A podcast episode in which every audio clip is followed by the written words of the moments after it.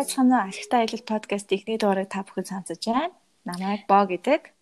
Сайн байцгаана уу? Та бүхэнтэйгээ подкастаар уулзсандаа баяртай байна. Намайг Ганзэргийн баяр цэцэг гэдэг Ц гэдгээ.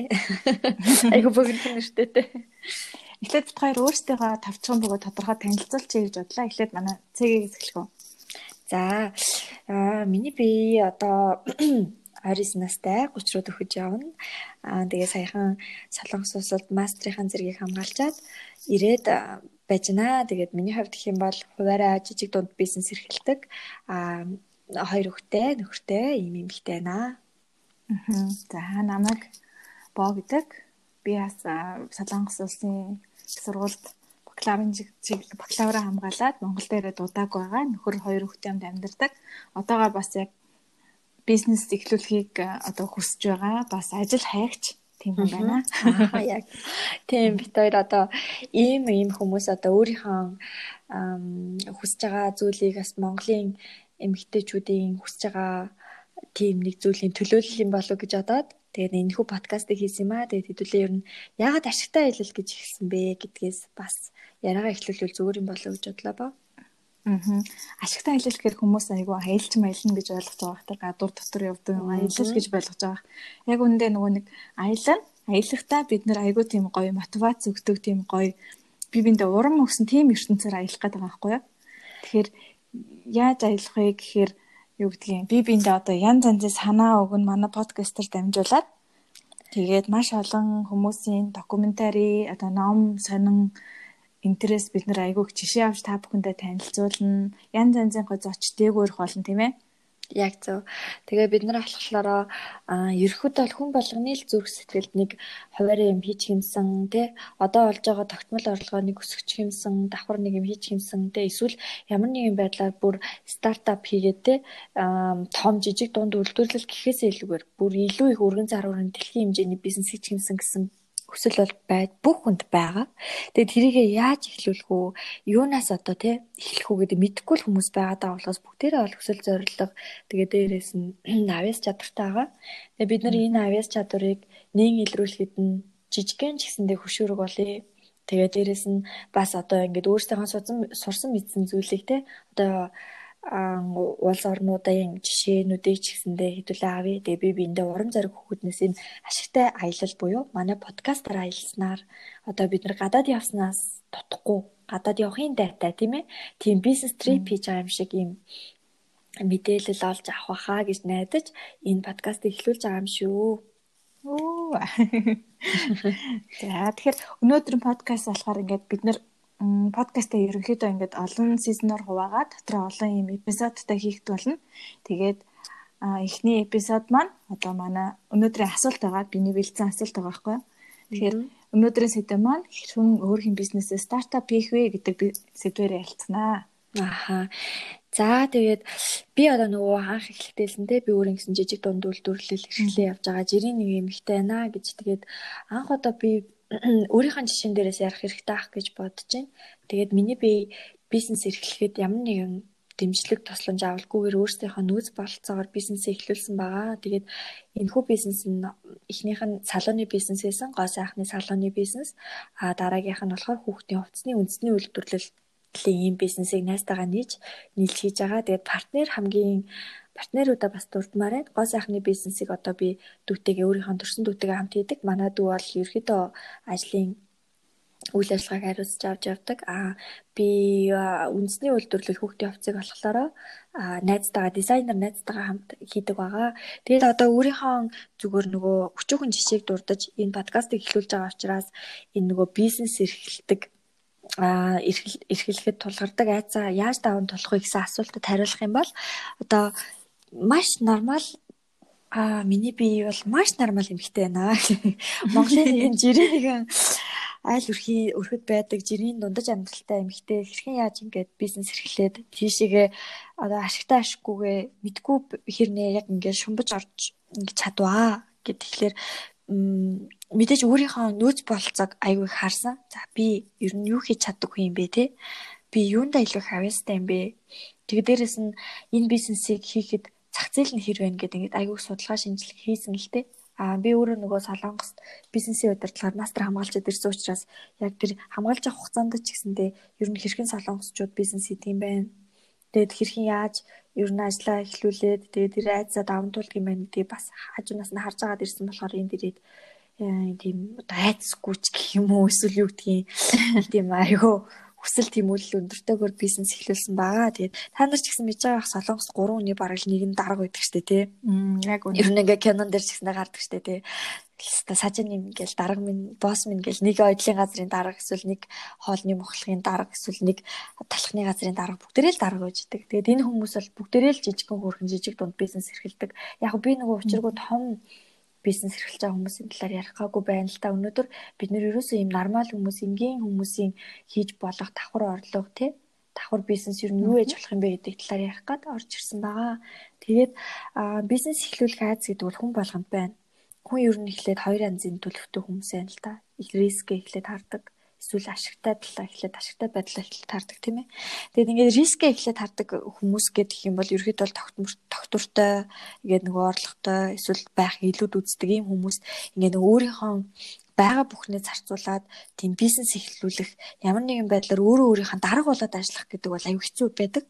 Тийм болохоор одоо ингээд бизнесийн шийдлэх ухаанд ч юм уу те яг ингээд чи өөрөө хэрвээ бизнес эрхлэхийг хүсвэл ямар байх ёстой вэ гэдэг одоо тийм хэдэн асуумжууд байдаг л та. Тэр нь чи энэ бизнестэй хэр их хугацааг нэ цагийг зарцуулж чадах вэ? Нэгдүгürt. Хоёрдугаар чи энэ бизнесийг өөрийн хүүхэд чиг те яг тийм хайраар хайрлаж чадах уу? Тийм ээ. Чи өөрөө энэ бизнестэй дуртай юу? Тэгээ дээрэс нь чи энэ бизнес чамд уналт босолтыг авчирж байхад чи энэ бизнестэй өөрөө үнэн ч хийж чадах юм уу? Энэ ингээд хамгийн чухал асуултууд нэн төрөнд тавигдана л та одоо нөгөө айцад авах гэдэг нь шүү дээ. Айц давна гэдэг чинь шууд хав Окей би айцад авлаа. Ийм зүйл ер нь тий айцтай тулгахгүй байх гэж байхгүй бах тийм ээ. Байхгүй. Ерөөсөө бүхэл зүйл одоо хүн ер нь мэдгүй зүйлээс маш их айдаг гэж ярьдаг тийм ээ. Одоо харанхуугаас яагаад айдаг вэ? Тэр харанхуй дотор юу байгаа нөх байгаа мó хүн байгаа мó тий хаалга байгаа мó түүнийг мэдгүй учраас хүн айдаг. Түүн шиг хүн ер нь бизнес хийгээд тэрэндээ амжилттай байх юм уу үгүй мүү те түүнийг мэдгүй учраас л ерөөхдөө айгаад байгаа шүү дээ те тэгэхээр энэ мэдгүй зүйлээ тэр рискээ хэрхэн багасгах вэ? Хэрхэн алдаа оноогоо арай илүү багасгах вэ гэдэг тэгэхээр хүн ерөөсөө л өөрийгөө таньж мэдэх хэрэгтэй. Өөрөөсөө саяны нэг миний нэг хідэн ингээл асуусан асуумжууд шүү дээ. Би энэ бизнестэй үнэхээр ихэн хайраар хандж чадах юм уу? Би энэ бизнестэй үнэхээр те цаг зарцуулж чадах юм уу? Энэ бизнесүүдийн хүндрэлүүд тулгараад ирэхэд би энэ бизнесээс урахгүй байж чадах юм уу? Тэгж хэрэв өөрөөсөө асуугаад а хэрэв би окей би чадах юм шиг байна гэх юм бол айцыг бол давчихна нэгдүгээр ерөөсөө окей яагаад гэвэл өөрөө өөртөө хариулчих штэ тий. Окей би давчих өөр өөрөөс юм бол асуугаа тий. Тэгэхээр ерөөсөө ямар ч юм хийхэд гадны нөлөө тийм амар чухал биш санагдсан л та. Надад ингээл ирээл бизнес эрхэлж байгаа хүмүүстэй уулзаал ярилцаад үзэхэд ерөөсөө төр төр засгийн байна уу те одоо яг хөө манайд бол яг хөө бизнес дөнгөж эхэлж байгаа хүмүүст бол аюу тийм эрсдэлтэй хэцүү нөхцөл байдал байдаг. Гэвч бүр өөр орны одоо чинь солонгосын бизнес эрхэлж байгаа хүмүүстэй ингээ яриад ахаар Монгол бол бизнес цэцгэлэхэд бол диваж энтер гэж ярьдаг байхгүй юу? Яагаад тэгээд идэгэн бол гэд тэгэхээр ингээд аюу тийм залуу хүмүүс ихтэй тий ингээд аюу сониуч тэгээд дээрэс нь ямар ч бизнес хий гэсэн зөв зөв тактикаар зөв маркетингаар ажиллах юм бол ерөөсөө ямар ч асуудалгүй гэл хэлдэг л тий. Тэгээ би бол одоо боддгийн а энэ дээрээ л ингээл үзээд тахад ерөөсөө энэ бизнес хийх гэдэг чинь хувийн зан чанар, хувийн хувь хүний л 70% нөлөө байдаг юм байна. Амжилтаа явахд. А бусдаар томорход ч юм уу эргэлтийн өрөнгө авах, зээл авах цаашдаа бүр илүү томорход бол төрцгийн оролцоо 30% л байт юм байна л гэсэн дүгнэлт гаргачаад байгаа байхгүй. Тэгэхээр юу гэдгийг айц давах энэ 70%-ийг бүрдүүлэхэд хувь хүний зан чанар тэгээ дээрэс нь юунаас мотивац авах тий энэ айгүй чухал юм байна гэж бодож одоо ботогоо хамтаар подкаст хийгэр болсон юм аа. Тэгэхээр айц давхад бол миний хариулт нь ерөөсөө өөрөө өөрийгөө таньж мэдэх. Өөрөө өөртөө тэг би энэ зүйлд үнэхээр цаг зарцуулж хобби болгож энийг чадах уугүй юу? Хариулах. А тэгээ дээрэс нь чиний хариулт окей байх юм бол чи энэ бизнестэй амжилттай явж чадна. А чиний хариулт нь чи энэ бизнест уналт босолт ирэх хүндрэлүүд ирэхэд чи энэ бизнесээс урах юм бол урах тийм одоо юу гэдгийг тийм жижигхэн сэтэл байх юм бол чи айцаад авч энэ бизнесийг эрхэлж чадахгүй ах нэ. Тэгэхээр миний бодлоор одоо өчүүхэн туршлага дээр юм байна. За тэгвэл за тэгвэл айцаа давах тэр одоо юу ингээд давчлаа гэж бодъё л та. Тэнгүүд хүнд юу нөөрт нэг ихтгэл төрөх хэрэгтэй тийм үү? Аа. Өөртөө маш сайн итгэх ёстой. Тэр итгэлийн талаар яг бодож байгаа хоёлоо ярилцъя. За одоо жишээ нь одоо миний жишээн дээр ярил л да тий. Найстайгаа нийлээд хамгийн анх бит хоёр партнер болоод үндэсний үйлдвэрлэл эрхлэе. Тэгээ манай найз дизайнер байсан учраас Германаас дөнгөж бас ирээд удаагүй байсан. Тэгээд үндэсний үйлдвэрлэл эрхлээд айгүй том амбицтайсэн л та. Бид хоёр сая карантин гарахаас өмнө аа ерөөсөө л Монголын Uniqlo олъё тий. Ингээл амар том зорилгоор эхэлчихэж айцаа мэдээж давцсан. За чи наа дизайнер дизайнер хийн. Чамд маш олон төрлийн хүндрэлүүд ирнэ тийм ээ. Чи тэгэхэд энэний төлөө нойр хойлгүй амбие зориул чи амьдралаа зориулж чадахгүй. Окей. Манай нэ зөвхөн чадна гэд бүхэн банк хаяад эхэлж байгаа юм тийм өөрийнх нь үз болцоогоор а би надад те маркетинг сурчлагаа хийх тэгээ дээрэс нь чиний ингээд хийсэн зүйлийг борлуулахад ямар хүндрэлүүд ирвэ. Чи тэр хүндрэлүүдийг бас те давчдаг. Окей би давчаад нэг. Бид хоёрын ингээд хамтын одоо энэ айц даваад ингээд эхэлчлээ тийм үү. Гэтэл энэ дээр чи нөгөө нэг итгэх итгэл түүнийг яаж олж авах вэ? За тэгэхээр одоо чи миний хувьд гэх юм бол бүрдээ итгэх итгэлийг хоёр янзын зүйлээс олж авсан. Нэгдүгээр би өөрийнхөө сурсан мэдсэн зүйл дээр жоох ихтэй байсан. Яа тэгэхээр би бизнесийн ухаанаар ялангуяа тэр дундаа маркетинг шинжилгээ ухааныг гүнзгий судалж аваад ирсэн учраас одоо зүгээр нэг энгийн маркетер одоо нэг зүгээр нэг ингийн 3 сарын курс төгссөн хүнээс илүү их би өөртөө ихтэй ах гэж бодож байна өөрийгөө тийм ээ би ч одоо бас нэг сураад ирлээ шүү дээ юм хүм. Аа тэгээд дээр сурлаа гэдэг шиг. Аа нөгөө төгөөр юунд итгэх хэрэгтэй вэ гэдэг тэгэхээр тэр бизнестэй маш ихээр итгэх хэрэгтэй. Чи үнэхээр л тэр алсын хараа зорилго чинь ямар нэгэн хүмүүсийн асуудлыг шийдэж байгаа бол тэр бизнес алсын хараатай амжилттай явна гэсэн одоо бид өөр яриад чинь Монгол хүмүүс чинь одоо ингээл яг үндэсний үйлдвэрлэлээ хувцас өмсөйг л тэгэхээр яадаг вүлээ. Нэг бол амар маш гой загварлаг. Тэр маш үнэтэй чи одоо мэдчихсэн тий одоо ингээл тийштэй одоо ингээл брэндүүд байла. За хадлан за одоо яг нэр дурдаад яг ингээл том том брэндүүдийг ингээл ороод харахаар гээд нэг уул ингээд дундад цайлан сая хүрхгүй байгаад идэг. Гэтэл нэг хувцс нь 500 мянга байгаад ивэл бас хэцүү шүү дээ тийм ээ. Гэтэл а нөгөө талаар айгуугай загварлаг байсан ч гэсэн а нөгөө талаар айгүй хямдхан байж болж байна. Гэтэл тэр нь ялгаантай ч юм уу сундаг агшдаг. Тэгэл дээрэс нь айгүй загвар мутал энэ чинь ингээд үндэсний үйлдвэрлэлийн одоо ингээд одоо сонин ингээд сонгогдохгүй байгаа шалтгаан болоод байгаа байхгүй. Тэр бид хоёр бизнестэй итгэсэн. Одоо хийх байгаа зүйлийнхаа үр одоо нөгөө нөлөө тэгээ дээрэс нь авчрах ашигтай одоо нэг хүмүүст хүрэх үр дүнд нь итгэсэн байхгүй. Бид хоёр энэ бизнесийг хийгээд явхад хүмүүс маш цэвэр даван тий хүүхдүүд цэвэр даван хэрнээ загварлаг бүтээгдэхүүнийг Zara Uniqlo-гоос тутахгүй тийм загварлаг ойдол зайтай бүтээгдэхүүнийг Монголдо үйлдвэрлээд хян дүнээр эцэг эхчүүдэд хүргэнэ. Ингэчээр ч одоо нөгөө нэг загварлаг нөгөө ээж аавд хүсдэг тийм ээ. Zara Uniqlo шиг загварлаг. Тэгээ дээрэс нь хямд төсөр арахаар хямд одоо нөгөө орж ирж байгаа импортын бараанаас хямд гэсэн үг шүү дээ тийм ээ. Тэгээ дээрэс нь чанартай гэж байгаа байхгүй. Энэ бүгдийг ингээд нийлүүлсэн брэнд үүсгэхээр хэрэглэгчтэй эрэлт бол ерөөхдөө айгүй их өндөр байсан л да. Манай нэг зураг зураг одоо ингээл нэг барааны бүтээгдэхүүний хандлт ихэд 100 мянга давдаг ч юм уу тий. Тэр эндээ ингээд нөгөө өөрсдөө тэр проблем solve хийж байгаа тэр нөгөө миний бизнес хүний ямар хэрэгцээг тий миний бизнес хүний ямар асуудлыг шийдэж өгөх юм бэ гэдэг дээр чи хариултаа олсон бол өөртөө итгэж болно.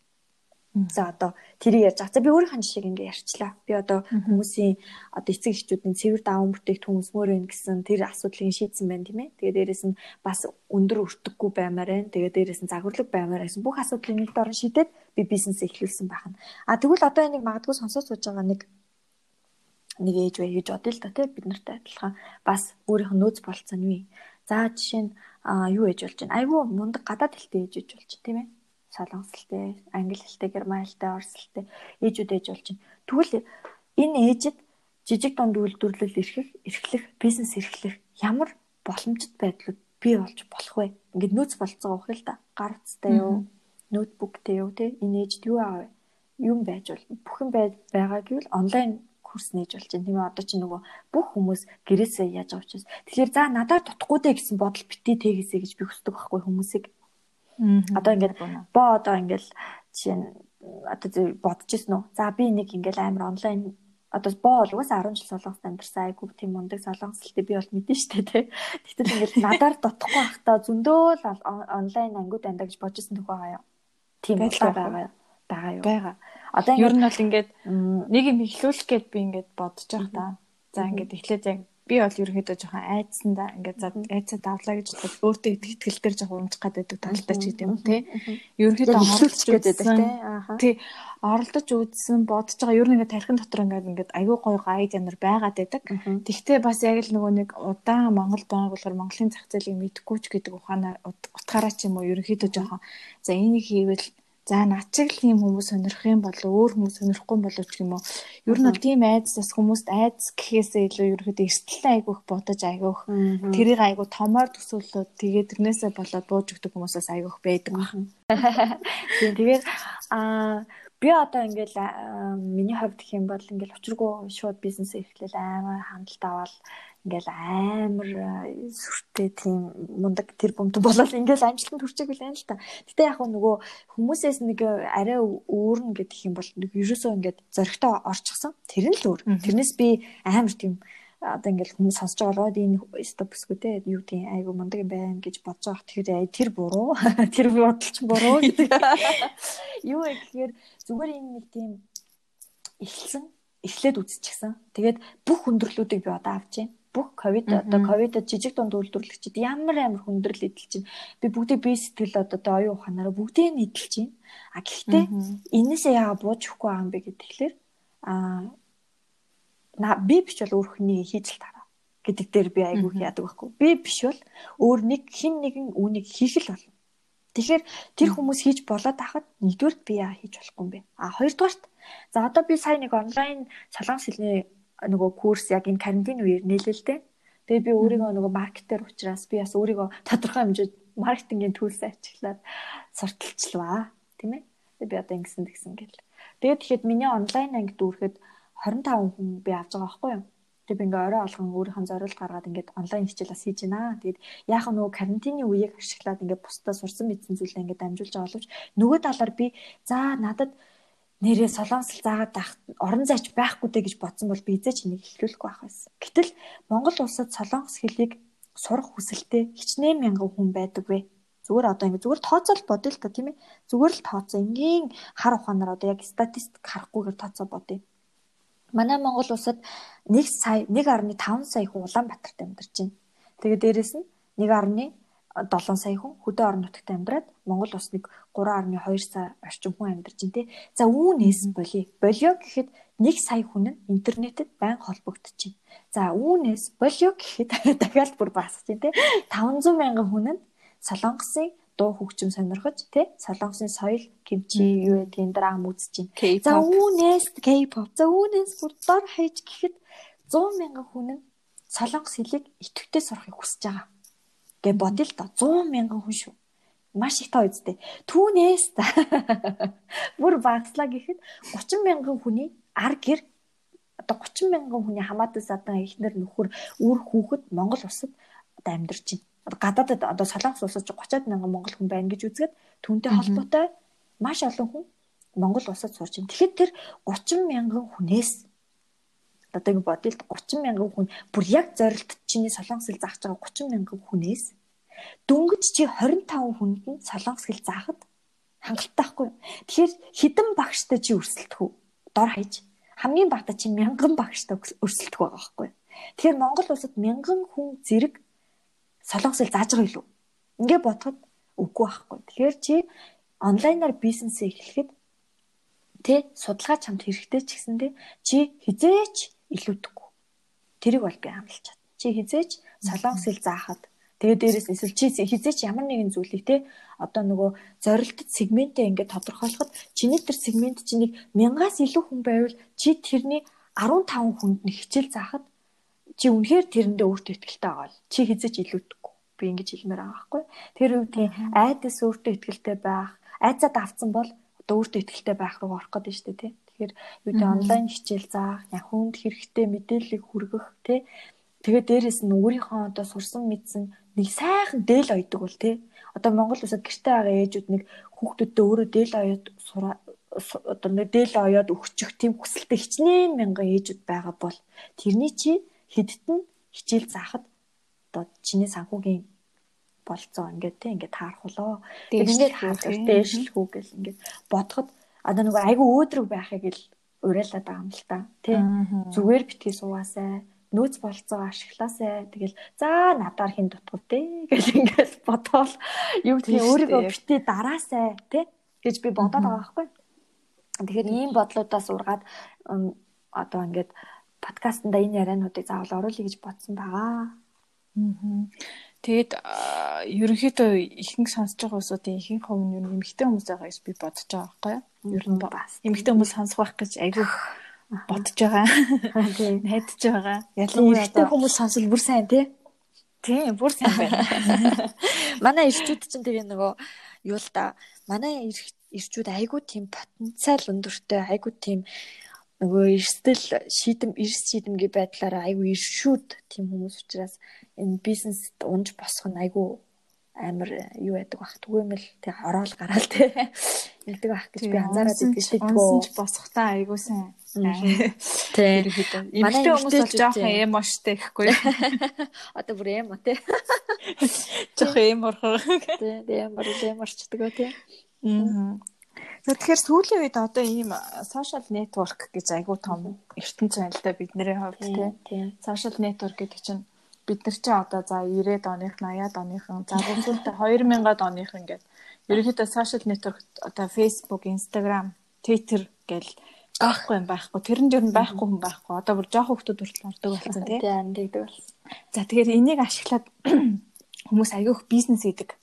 Тий. Хоёлынгийн яг мэдэж бит хоёроос судалсан маш олон хүмүүсийг ингэж харсан, хайсан, судалсан ийм хүмүүс дундаас ингэж бизнес хийдэг айгүй хүмүүс байна. Одоо энэ ковидтэй цар тахалтай үед ч гэсэн ерөөдөө гэртээ байж байхдаа маш олон орлоготой болж гин.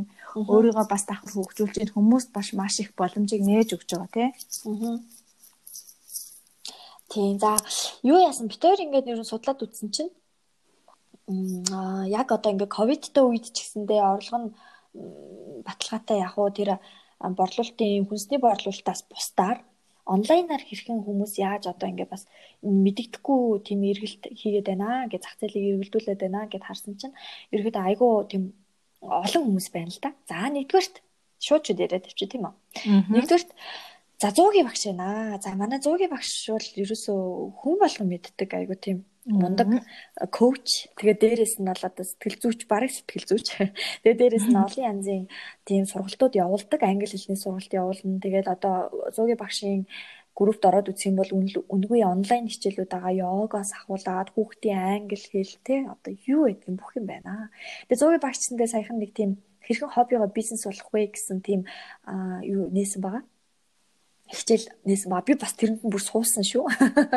Би бас зуугийн багшийг хүндэлж яддаг учраас хичээлүүдийг нэг шимтэн сонирхдгоо. Тэгэхэд ингээд ороод үзэхлээр тэр хүн бас ингээд ковидо үеэр ч гэсэндээ айгүй олон хүн олон багш нарыг салинжуулж гин өөрөө ч гэсэндээ бас санхүүгийн тийм юу эрх чөлөөнд хүрэхээр тийм мундаг үйл ажиллагаа зохион байгуулж чадчихна. За, зуугийн багшаас бол одоо инспирэшн авдаг, уран зориг авдаг маш олон эмэгтэйчүүд байгаа хаа. За, түүний дараагаар манай маш том групп байдаг те сайхан бүсгүй гэдэг. За манай сайхан бүсгүүд байхгүй сайхан бүсгүйч байхгүй те гэж ярьдаг тийм ээ. Тэгээ сайхан бүсгүйд сайхан бүсгүйгийн админ бол одоо дэги гэдэг админ байдаг. За дэgiгээд админ бол одоо ерөөсө гэтээ дэги зуугийн багш нар бол ковидтэй байхаас ч өмнө ч үйл ажиллагаагаа явуулж исэн байхгүй юу? а та нар ч гэсэн мэдчихэл байгаа х тийм ээ. Тэгэхээр сайхан бүсгүйд байдаг одоо сайхан бүсгүй группийн охтууд бол сайн мэдж байгаа хаа. Тэгээ группээр дамжуулаад маш олон буйны үйлс явуулдаг азтанд одоо тодруулж би биенийхээ бизнесийг дэмждэг тийм ээ. Тэгээд одоо нөгөө сошиал медиа дээр одоо пэйж хөгжүүлэх чинь ямар хэцүү байдаг вүлээ те. Тэр пэйж хөгжүүлэх, инстаграмын тэр айди хөгжүүлэх энтрийг бол манай одоо энэ сайхан бүсгүй групп бол нэлээд сайн явуулж байгаа. За түүний дараагаар бас онцлмоор байгаа групп гэх юм бол Sweet Teaching групп байна. Бараг 10 жилийн өмнө Тэмүүлэн гэдэг Тэмүүлэн гэдэг админ бүсгүй нээсэн байгаа. Тэгээ Тэмүүлэн гэдэг админ бүсгүй нээгээд одоо хүртэл амжилттай группээ удирдах авч явж байгаа. Тэгээд бас маш олон гишүүнтэй эрэгтэй эмэгтэй гүм манай хоолн дуртай, хоол их дуртай, гэр бүлийнхнээндээ хоол иж гэрээрээ ингээд амттай сайхан хоол иж ингээд цуглардаг юм хүмүүсээс эсвэт хийж ингээд группийг нээсэн байна. Тэгээд энүүгээрээ бол бас юу гэдгийг би бинийхээ бизнесийг сурталчлах тий ингээд бас олон төрлийн үйл ажиллагаа явуулдаг. Тэгээ дээрэс нь тэмүүлэн маань өөрөө тэгээ гэрээсээ зүгээр л хоббигоороо энэ группийг эхэлсэн боловч өөрийгөө бүр ингээд мэрэгжлийн төвшөнд одоо бүр хөгжүүлчих гэсэн. Тэгээ та нар ингээд Facebook хуудас руу орох юм бол маш тийм гоёор одоо сургалт хүртэл явуулдаг тийм бэлуг бол үнэхээр бүр дэлхийн төвшөнд уралж ин да тийм бүр ингэж магтмаар тийм ээ. За тэгээд түүний дараагаар гэх юм бол нөгөө онлайн нөгөө нэг захиалгын барааны за группүүд маань байна аа За юу вэ гэд тэгэхээр юу байдаг? Одоо нөгөө Playhouse гэдэг нэг сүүлд нэгдсэн групп байна. Тэгээ түүний админ бүсгүй бол одоо монголчуудын одоо захиалгад барааг бол хамгийн хямдар урдаас оруулж байна тийм үү? Бүгдээрээ нийлээд одоо ингээ гой гой захиалга аваад ерөөсөө энэ дээр өндөр үнэтэйгээр захиалж нөгөө дэлгүүрийн лангуунаас авдаг гэсэн бүтээгдэхүүнүүдийг тэр админ маань өөрөө ингээ нөгөө хайж туршсны үндсэн дээр одоо онлайн онлайнаар л одоо юмаа зарж байгаа гэсэн үг захиалгыг аваад ингэдэг бол ийм групп байна. За тэгээд дээрэс нь янз бүрийн тийм онлайн захиалгат группүүд бас байна. Тэгэхээр энэ нэгэнд захиалагчдынхаа итгэлийг олоод авсан ийм группүүд одоо хүртэл ковидын үед ч гэсэндээ маш амжилттай ажиллаж байна тийм үү? За тэгээд дээрэс нь одоо ингээд онлайн хичээлүүд байна. Маш мундаг одоо хятад хэлтэй бол хятад хэлээ зааж гин, солонгос хэлтэй бол солонгос хэлтэй, англи хэлтэй бол англи хэлээ зааж. Тэгээд дээрэс нь оюутал эсгүүр зааж гин. Одоо энэ чинь ерөөсөө бүгдээрээ л фэйсбүүкийг ашиглаад одоо инстаграмыг ашиглаад хийж байгаа зүйлүүд байна шүү дээ тий.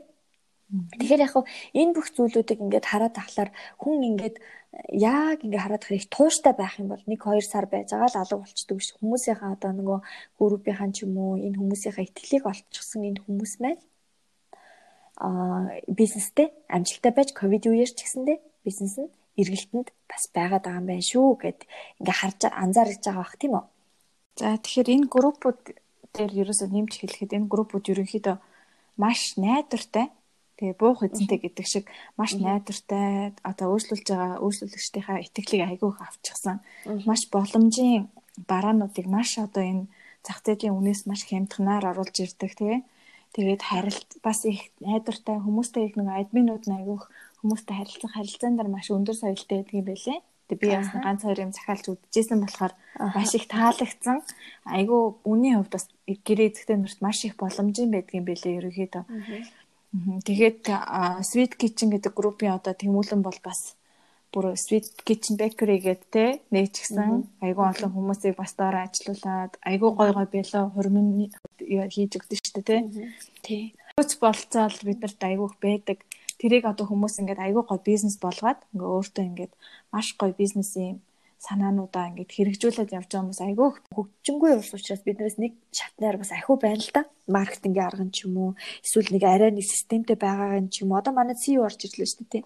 CEO орж ирэхэд бол CEO-гээс бид нар юу гэд харах вэ гэхээр бид нар тэрний системийг худалдаж аваад нутагшуулаад байгаа байхгүй юу. Түүн шиг бид нар жижиг тунд үйлдвэрлэлийг юу нь яагаад хөгжингөө орнуудаас тэр жижиг жижиг системийг яагаад нутагшуулж болтгүй юм бэ гэдгийг би аягүй бодож авдаг байхгүй. Тэгэхээр Бобт хоёроос цаашдаа энэ подкастаараа дамжуулаад тэр одоо стандарт, тэр стандарт норм системийг чадах чадан ядан бид нар та бүхэндээ танилцуулах болно. Солонгос улсын жишээг яагаад гэвэл бид хоёр нөгөө хоёулаа солонгос улсууд нөгөө төгсөө сургууль төгсөөд ингээд хэрэглэгч байгаад ингээд ирээд жижиг дунд бизнесүүдийг ажаад хараад ирсэн учраас та бүхэндээ ер нь амжилттай тийм солонгос байгаа жишээнүүдийг бас ингээ харуулах болно. Тэгээ ялангуяа одоо юу гэдгийг жижиг имлэг аа жижиг яг л бидний нөгөө нэг ковидгүй үед үйлчлэл яаж болохоор одоо хийж болохоор тийм гарын дорох жижиг бизнесүүдийг сайн танилцуулах болно. Тэгээ бас одоо янз янзын амжилтаа яваа, амжилтанд хүрэх гэж яваа тийм байгаа шүү. Тэгээ одоо ингээд бид нар яагаад ингээд ковидтай холбоотой учраас интернетээр юу гэж болж ийн вэ? Ямар ямар амжилттай жишээнүүд байна гэдэг тэрийг зөвхөн ингээд цухас дуртаад өнгөрч байгаа. Тэгээ та бүхний мэдж байгаа амжилттай жишээнүүдээ бол манай одоо ингээд комментар үлдээгээрэй. Тэгээ бид нар ч гэсэндээ бас тэр амжилттай жишээнүүдийн админуудтай тэгээ дээрэс нь бизнес эрхлэгч эмэгтэйчүүдтэй, эрэгтэйчүүдтэй холбогдож та нартаас зочноор урьж одоо ингээд яг тэр хүний хийж байгаа бизнесийн талаар ингээд гоё яг нэг үгүй ярилцаж танилцуулах болно. Зочнороо урих болно. Тэгээ дээрэс нь одоо биднэрт ингээд өгөгдөж байгаа За ковидгүй үед өгөгдөж байгаа жижиг дунд бизнесийн санаанууд одоо маш их байдаг аа тийм ээ бид нар бит хоёр ингээд солонгост амьдарч байхдаа ингээд нөгөө ингээл мэдээж өдөр өдөр тутамд тэр жижиг дунд бизнесүүдтэй холбогдож байгаа шүү дээ тий. Нэг хоолны газарт орсон ч тэр чинь жижигхэн бизнес тийм ээ. Тэгэл нэг сайхан номын дэлгүүр орсон ч нэг сайхан бат талхны дэлгүүрт орсон ч тэр чинь ингээд нөгөө биднээс ингээд бас ядаж хүмүүсийн одоо яг бодит кейсэн дээр тулгуурлаж айгүй их юм ярина. Тэгээд би хувьдаа бас айгүй одлоо их тийм юунууд үздэг, докюментари айгүй үздэг болохоо солонгосон яг жижиг бизнесээс яаж томорсон ч гэдэг юм уу. Эсвэл одоо ингээд төгшө хөгжиж яваа бизнесүүдийн докюментари үзэх айгүй дуртай. Тэрнээс айгүй санаа аваад ингээд хүмүүс бүр хэлмээр санагдаад байхгүй юу? Бүр ийм ийм хүн ингэж ихэлсэн байна, ингэж яагаад ингэж унж агаад ингэж боссон байна те. Одоо цаашдын зорилго нь энэ байна. Тэгэхээр хүмүүстэй бид ингэж чадах юм биш үү гэд ингээд бүр ингээд бүр удсан сонссон юм аа ингээд бүр ярмаар санагдаад байдаг байхгүй юу. Тэрэн шиг подкастн дээр ян янзын гоо сонирхолтой сонирхолтой юмнуудыг оруулж өгөн те. Дан өнөөдрөх шиг биш. Дараагийн дугаараас шал өөр болно те. За яг зөв. Тэгээ бид хоёр өнөөдөр болохоор подкастынхаа танилцуулга хэлбэрээр явж байгаа. Тэгээ дээрээс нь жижигхэн бизнес эрхлэж байгаа эмэгтэйчүүдтэй, эрэгтэйчүүдтэй урам зориг өгөх үүднээс подкаст эхлүүлсэн учраас та бүхэндээ мэдээллийн шин чанартай зүйл хүргээгүй байна. Дараагийн удаа аа мэдээллийн шин чанартай зүйлтэй орж ирнэ. Тий яг. За тэгэхээр бизнес хийгээд ингээд явж идэл бизнесээ мэдээж маркетинг хийгээд маш сайн хөгжүүлэх хэрэгтэй. Бизнесийнхаа цар хүрээг нэмэх хэрэгтэй. Зах зээлийг улам том болгох хэрэгтэй гэдэг. Тэгэхэд энэ дээр ингээд яаж би хөгжүүлэх вэ гэдэг асуулт гараад ирнэ тийм ээ. Тэгэнгүүт биднэрт маш их боломж байдаг байхгүй тий. Аха. Юу яадаг л да? А за та өнөөдөр сошиал нэтворкийг ашиглаж ямар нэгэн байдлаар бизнес хийж байгаа бол таны эхний 3 үйлчлүүлэгч бол таны эцсийн 3 үйлчлүүлэгчийг шийднэ. За юу гэсэн утгатай вэ гэхлээр та эхний 3 үйлчлүүлэгчтэй хэрхэн яаж хандхаас шалтгаалж тэр 3 үйлчлүүлэгч чинь танд дараагийн үйлчлүүлэгчтэйг авчирч өгч идэг. Тэгэхээр юу гэдгийг ингээл бизнес эрхлэж байхдаа ингээд тэртээ түг айцад авчлаа. Өөртөө ихтэй болчлаа. Окей. Нэг юм хийх яхад тэр бизнес одоо сонирхолтой байгаа тэр таргет сегмент байгаа шүү дээ тий. Одоо юу гэдэг 30-аас 40 иргэм насны эмэгтэйчүүдэд аа сэтгэл зүйн зөвлөгөө өгөх бизнес одоо байж болно л да тийм ээ ингэж зөвшөөрөд. Тэгтэл 30-аас 40 настай эмэгтэй хүмүүс таныг хараахан таньж мэдээгүй байх юм бол эхлээд таны ойр хавийн нэг 30-аас 40 настай эмэгтэй хүмүүс таны хамгийн анхны бизнесийн хэрэглэгчд болж таарах нь шүү дээ тийм ээ. Тэгэхээр энийг сошиал медиа дээр яаж хөгжүүлж яаж олон янзын арга байна. Тэгэхээр би одоо нөгөө ойрын жишээнүүдээр ингээд томруулъя ярил л да тийм. Эхний хамгийн ойрын 3 хүндээ хамгийн сайнараа хандах. Энэ бол нөгөө амнаас ам дамжигдах маркетингийн арга байна тийм үү. Тэгэхээр та эхнийхээ 3 гишүүнийг эхнийхээ 3 үйлчлүүлэгчийг тултал нь харилцах хэрэгтэй гэсэн. Тэгээд амнаас ам дамжиж өө энд нэг тийм ундаг хүн мэдэн шүү. За миний дүү ирээд эндээ сэтгэл зүйн юм боловсрал юм юм аваарай ингээрээ тэгээрээ. Гэт ингээд тарж яв. Нэгдүгürt. Хоёрдугаарт сошиал медиа дээр аа юу яа таригта зөв сонгоод буст хийж болж байна өөрийгөө маш тийм гоёор одоо ингээл нөгөө юу яаж штэ интернетээр нөгөө нэг заавал нэг ингээл 100 айл дээр очивол те миний талаар нэг ингээд нэг тийм гоё зураг ингээд наагаад хажууд нь миний ингээд юмэг ингээд тавиад PDF бэлдээд өгөөч гэдэг. Эдгээр болцсон шүү дээ одоо орчин үед ч одоо янз бүрийн үнэгүй аппликейшнүүд байна. За canva.com байна те. canva.com байна. За canva руу орлоо гэхэд л өөрийнх нь гоё зургийг тавиал хажууд нь би ийм ийм ийм чадвартай ийм хүн байна. Надад би ингэж зааж өгөн төлбөртөд ийшээ орж ирээрэй гэд сегментээ сонгоод За K-pop сонирхдаг хүүхдүүдэд дуу хөгжин зааж өгнө. Түүгээрээ дамжуулаад солонгос хэл ч юм уу зааж өг. Инглээ гэж бодоход K-pop сонирхдаг хүүхдүүд хэдэн хэдэн нас юм бэ? 12-оос тэ 20 хэдэн настай хүүхдүүд гэлээ. Сегментээ сонголоо. Тэгээ буст хийж болж байна, тийм үү? За тэгээд дээрэс нь а өөрийнхөө одоо нөгөө нэг групп хөгжүүлж болж байна. Үн төлбөргүйгээр ямар нэгэн байдлаар группээ нэгээд тэгээ дээрэс нь жижигэн жижигэн тип өгөөд тэр группийнхаа хүмүүсийг ингээд өдрө болгоноор ингээд ингээд ядгийн хайрлаад гамнаад те үнэн сэтгэлээсээ хандаад. Ингэх юм бол группийн админууд ямар давуу талтай байдаг вэ гэхээр захиалгын бараа оруулж ирж болж гин групптэй сургалт хийж болж гин те тэгэхээр ингээд бизнес хөгжүүлэх сошиал медиа арга гэдэг юм бол олон янзын арга байна л та тэгэхээр энэ дундаас яг өөртөө таарахаар өөртөө таарах аргыг нь маш ихээр хэрэгжилж авах хэрэгтэй. За жишээ нь борлуулалт төвтэй бизнесүүд байдаг тийм бараа төвтэй бизнесүүд. За бараа төвтэй бизнесүүд яаж сошиал медиа дээр өөрийгөө хөгжүүлэх вэ гэхлээр бас их чадварлаг зураг авч болж чинь барааныхаа. Тэгээд эдит хийж болж байна. Одоо сүүлийн үед бол заавал эдит хийгээд фотошоптол тэгээд авахгүйгээр нэг зураг нэг юм айтаахан портреттэй утсан ах юм бол аваал те хөөрхөн аваад моделийн хөөрхөн хувцас бол модель өмсгөөд ингээд эсвэл өөрөө модель болж болж байна. Иймэрхүү байдлаар бизнесийнхаа type одоо тэр төрөл болгонд тохирсон аргыг бизнестэй сошиал медиагаараа хөгжүүлж энэ дээр маркетинг хийж болох нь байна. Тэгэхээр иймэрхүү маркетингийн аргуудыг бол одоо ингээд ханаас л бол ханаас одоо орчин үед мэдээлэл авч болж байна. Яаж хэрхэн яаж сошиал медиа тэр сошиал медиаг хөгжүүлэх вэ гэдэл баг Facebook дээр бичгээд гарч ирээд байна шүү дээ тийм ээ. Тэгэхээр YouTube дээр одоо бичээ тийм. Бүр YouTube дээр бичгээд л манай YouTube чи их байх шүү дээ тийм ээ. Яаж яах вэ гэдэл одоо how to гэж бичгээд л одоо ингээд гараад байгаа тийм. Тэг гараад ирнэ тэгэхээр бид нараас хэл сурах шаардлага бас гарч ирж байна. Хилтэй хүмүүс нь бол би биэндээ зааж өгөх шаардлага гарч ирж байна шараад байгаа шлээ сүүлийн хилтэй бол хүлтэй гэж яг үнэн шүү тийм. Тийм яг үнэн. Бүр хилтэй байна гэдгийг одоо би нэг үгээр ойлгохдоо одоо өөрийнхөө мэдээлэл авах нэг одоо тойргийг нөгөө тойргоор тэлж байгааг л хэл гэж үздэг байгаа байхгүй юу. Чи миний хэл мэдээлэл авж байгаа ганцхан тойрог монгол хэл байлаа гэж бодоход диаметр нь хэр том байх вэ? Тэр диаметрийг дахиад нэг өргөсгсөнтэй адилхан тийм том мэдээлэл авах тийм хэрэглүүрийг би хэл гэдэг юмыг сураад дахиад нэг том диаметртэй мэдээлэл авч ийн гэдэг чинь одоо одоо үеч орчин үеч мэдээлэлээр уралддаг боллоо те хин хурдан мэдээлэл авч ийн хин ямар зүйлийг үнэн зөв бодит мэдээллийг хурдан авч ийн тэр хүн амжилтанд хүрэхэд ойрхон байгаад штэ. Тийм болохоор хэл сурна гэдэг бол маш том мэдээлэл авах хэрэглүүр. Тийм учраас зүгээр л нэг те хүнтэй харьцах гэдгээс илүү зүгээр л нэг хоёрыг hi bye гэж хэлэхдээ гол нь биш. How to learn English гэдэг юм те. Ийм мэдээллийг англи хэл дээр авах, солонгос хэл дээр авах, герман хэл дээр авах. Энэ бүх цонхыг яг энэ карантины үеэр өөртөө нэгээсэй гэж би хүсэж байгаа хүмүүсийг сайн нөгөө бизнес хөгжүүлэх арга гэдэгтэр яг нөгөө юу байгаа хгүй би яг хүүхдийн хотны групп хөтлөж байхад бас ингээд янз янзын хүмүүс ингээд орж ирэн штэ тий. Аа.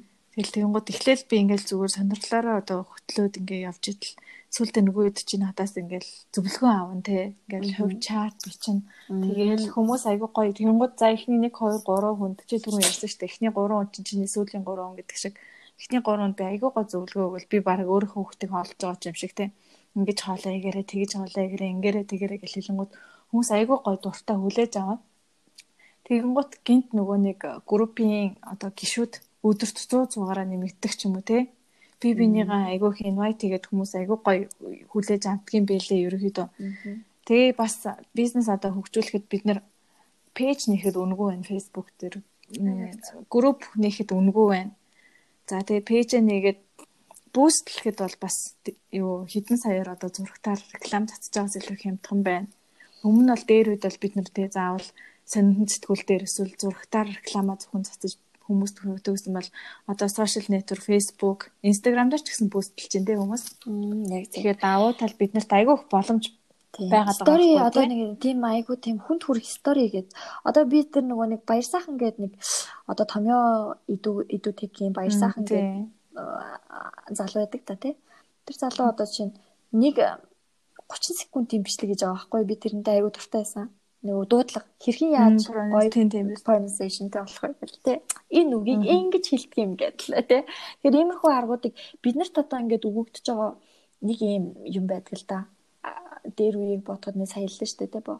Нэг тийм мэдээллийг хүргэх сувг мэдээллийг олж авах сувг гэдэг юм те энэ нь аюу хязгаар гэдэг хязгааргүй болчиход байгаа байхгүй тэгээ дээрэс нь бизнес нэг юм юм байдаг хаана асуудлын тэнд бизнес цэцгэлж идэг бол хаана хамгийн төлж байгаа төлбөрөөсөө илүү их үр ашгийг өгч чинь тэр газар бизнес бас цэцгэлж яадаг. Тэгэхээр хоёр янзын тийм бодож авах зүйл шүү дээ, тий.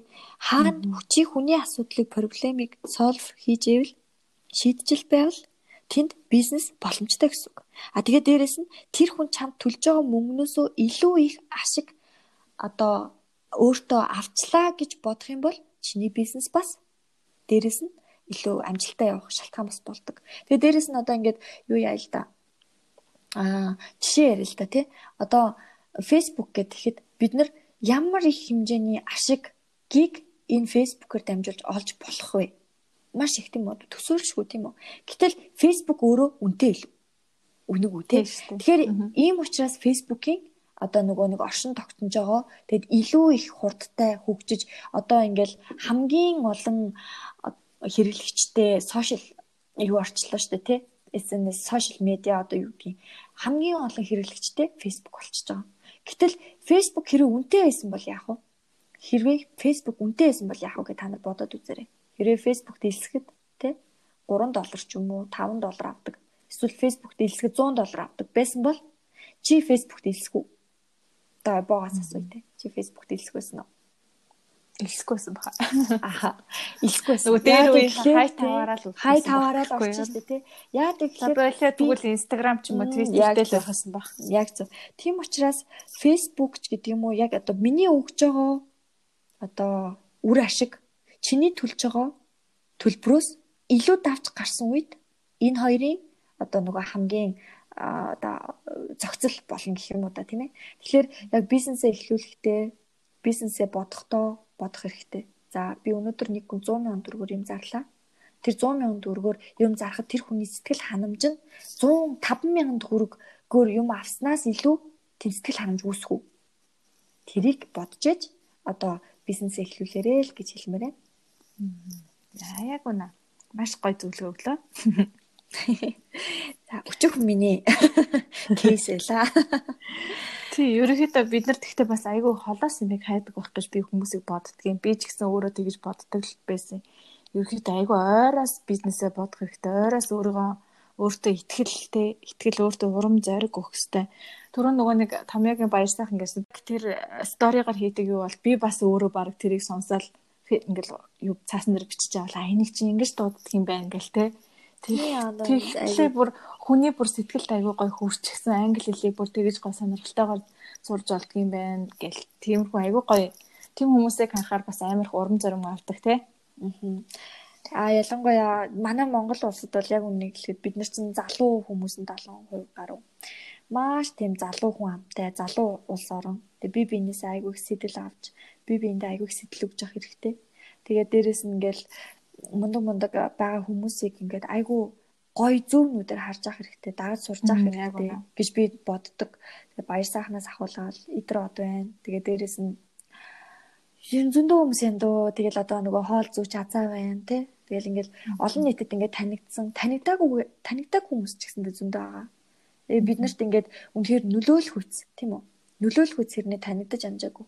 Тим хүмүүсийг их нээж олж тэгээ тэр хүмүүстэй сайн одоо ингээд зөвлөгөөгийн дагаж айгүй тэр хүмүүсийн төвшөнд өөрсдөө авчрахын тулд айгүй хичээх хэрэгтэй юм шиг санагддаг залуу хүмүүсийн хувьд гэх юм бол яг өнөөдөр бит хоёр ингээд бизнесийн подкаст хийгээд яа бизнесийн подкаст хийж ингээд бид нарт ингээд айгүй санхүүгийн хүндрэлүүд гарч ижтэй тий ингээд жижиг дунд үйлдвэрлэл тэгэл дээрэс нь а ямар нэг байдлаар борлуулалтын үйлчлэгээний салбарын хүмүүс бол тэр чигтээ тэг зааж байна. Нойл засалт гэж энийг л хэлдэг баг. Гэтэ энэ үед ч гэсэндээ ингээд боломж ингээд ядаж ингээд сошиал медиад байна уу?